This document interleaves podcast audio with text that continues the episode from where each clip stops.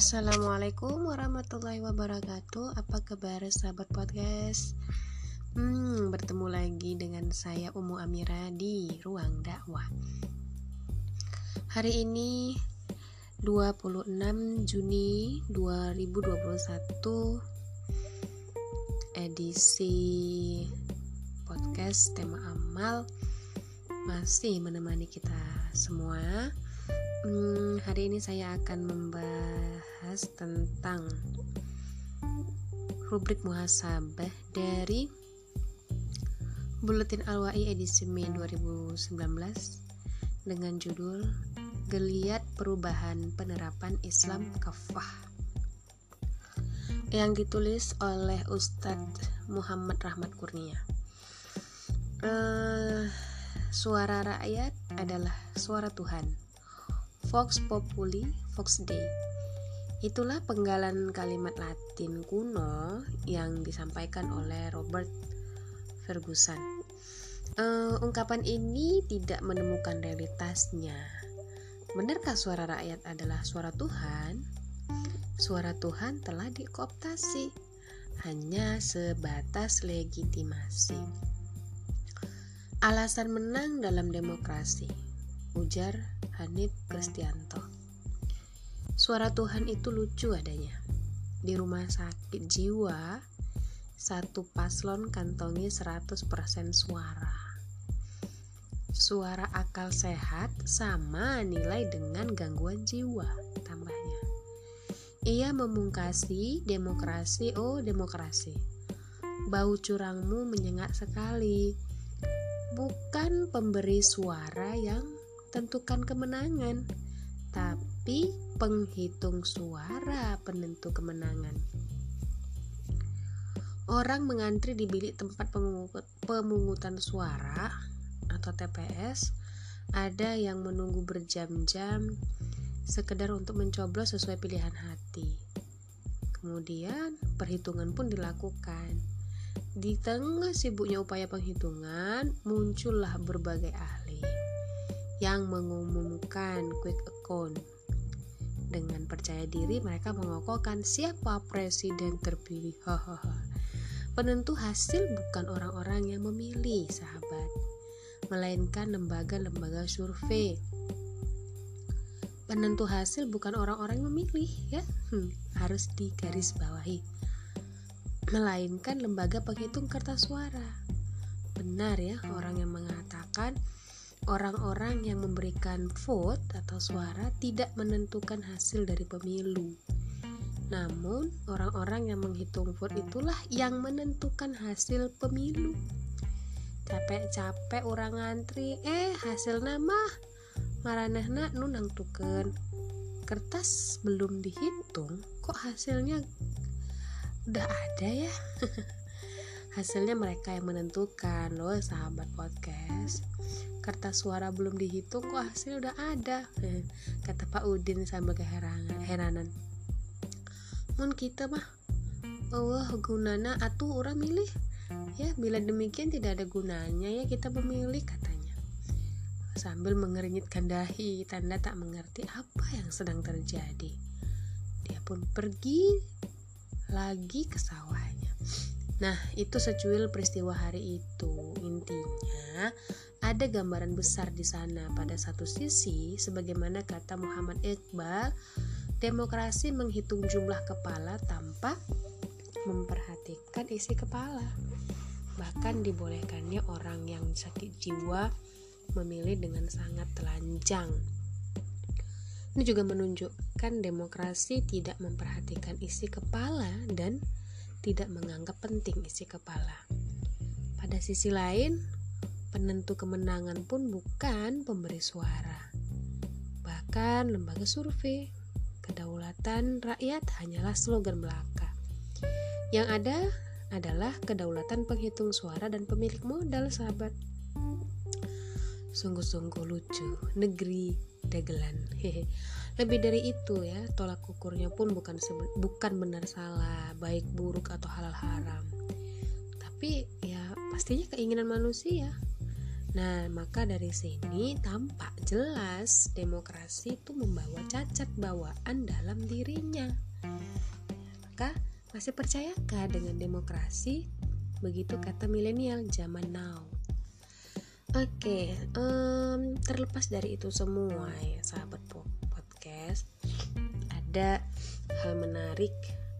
Masyarakat ingin perubahan Nah, hal ini pun tercermin dari antusias antusiasme masyarakat dalam melawan kezoliman dan ketidakadilan. Kemunculan barisan emak-emak militan ya, alias BEM merupakan ini fenomena baru. Mereka bergerak tanpa bayaran, berjuang dengan dorongan jiwa, dana berhasil dari dompet sendiri. Seruannya bela agama, bela ulama, bela bangsa, bela negara. Ini fenomena yang bukan hanya terjadi di kota-kota, melainkan juga terjadi ter, uh, hingga ke desa-desa ya. Saat uh, uh, dari kita itu ada yang silaturahmi ke keluarga di kampung, ibu-ibu yang sebelumnya uh, dikenal dengan apolitisnya ya kini berubah dalam omongannya berbicara tentang perubahan. Ah, penguasa sekarang mah lebih pro asing. Lihat, tanah di desa kita lebih dari 80% dikuasai asing. Cina tuh banyak, ungkap celia penuh semangat. Kalau tidak berubah, kita akan menjadi kuli di negeri kita sendiri. Tambahnya menirukan gaya pengamat di televisi. Di dunia maya, suara emak-emak pun terdengar sangat lantang dari situ kita nampak ya betapa besar peran emak-emak dalam perubahan. Hal ini tidaklah mengherankan. Dari dulu ya memang umat Islam memiliki banyak pejuang perempuan. Ya, sebut saja Ibunda Khadijah, Aisyah, Fatimah ya. Kemudian para sahabat perempuan yang lain pun bertebaran seperti Al-Khamsah binti Amr, Ammah binti Khalid, Arwa binti Abdul Muthalib, Asma binti Umais, Asma binti Abu Bakar, Azadah binti Haris, Duba'ah binti Zubair, Khaulah binti Malik, Mariatul Qibtiyah, Nusaibah binti Ka'ab, Riltah binti Munabbih, dan masih banyak lagi. Tidak heran jika Rasulullah Shallallahu Alaihi Wasallam menegaskan, sungguh wanita itu saudara kandung laki-laki hadis riwayat Abu Dawud. Begitu juga dengan firman Allah Subhanahu wa taala di dalam Al-Qur'an yang maknanya orang-orang yang beriman, lelaki dan perempuan, sebagian mereka adalah menjadi penolong bagi sebagian yang lain. Nah, dalam Quran surah At-Taubah ayat 71. Ini menggambarkan betapa perubahan itu harus digerakkan baik oleh laki-laki maupun perempuan Nah, hal lain yang menarik adanya isu keislaman yang mencuat pada saat ini. Mulai dari reuni 212, debat presiden hingga kampanye, isu itu bergulir ya. Isu terkait Islam kafah, khilafah, bahkan Hizbut Tahrir terus disebut-sebut. Nah, pada satu sisi ada pihak-pihak yang hendak menjadikan isu itu Eh, dan ajaran Islam sebagai alat untuk menakut-nakuti lawan politik khususnya dan masyarakat pada umumnya. Pada sisi lain, masyarakat justru tidak khawatir dengan isu-isu tersebut.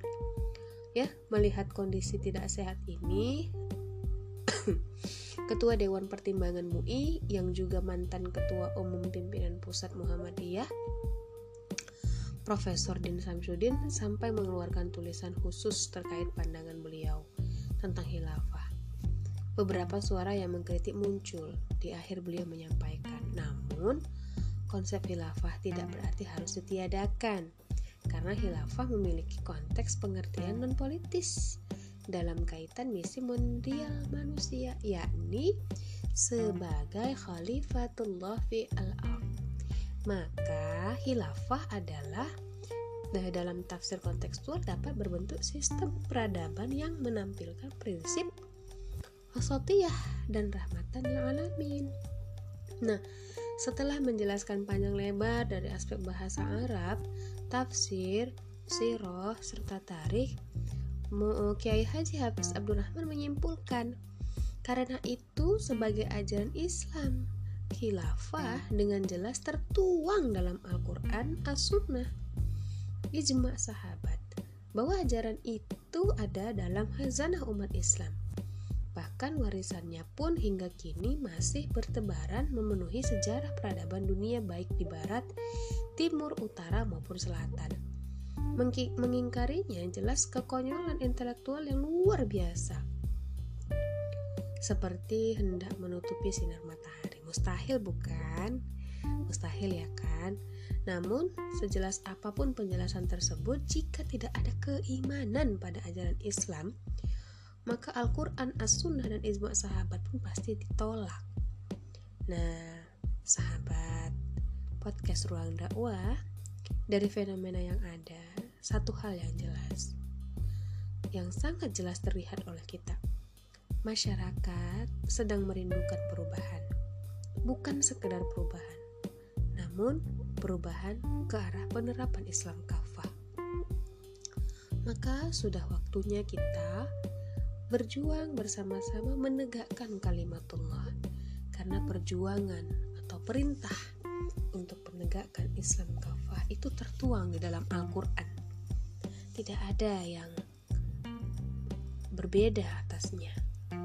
Sudah waktunya kita merenung, melihat bagaimana kondisi negeri kita tercinta ini yang sudah porak-poranda, hutang kita yang melimpah, sumber daya alam kita yang dikuasai oleh asing, banyaknya kejahatan yang terjadi, kriminal yang terjadi, milen uh, generasi-generasi kita yang hancur yang tidak bisa lagi dengan hati kita itu melihat semuanya sudah hancur, hancur, hancur. Tak ada lagi waktunya kita untuk berdiam diri kecuali bersama-sama bergandengan tangan untuk melawan kezoliman, mengubah sistem yang ada menjadi sistem Islam.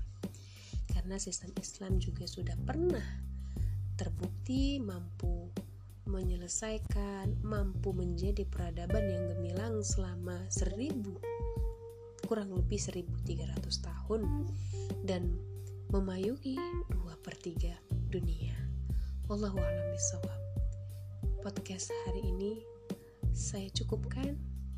Uh, semoga ada ibroh ya atau pelajaran yang bisa diambil dari podcast malam ini mohon maaf ada kekurangan karena saya juga lagi ada kurang fit ya batuk flu ya sesak juga ya mudah-mudahan mohon doanya untuk uh, segera pulih ya kesehatannya semoga Allah merahmati kita di mana pun kita berada Wabillahi taufiq wal hidayah. Wassalamualaikum warahmatullahi wabarakatuh.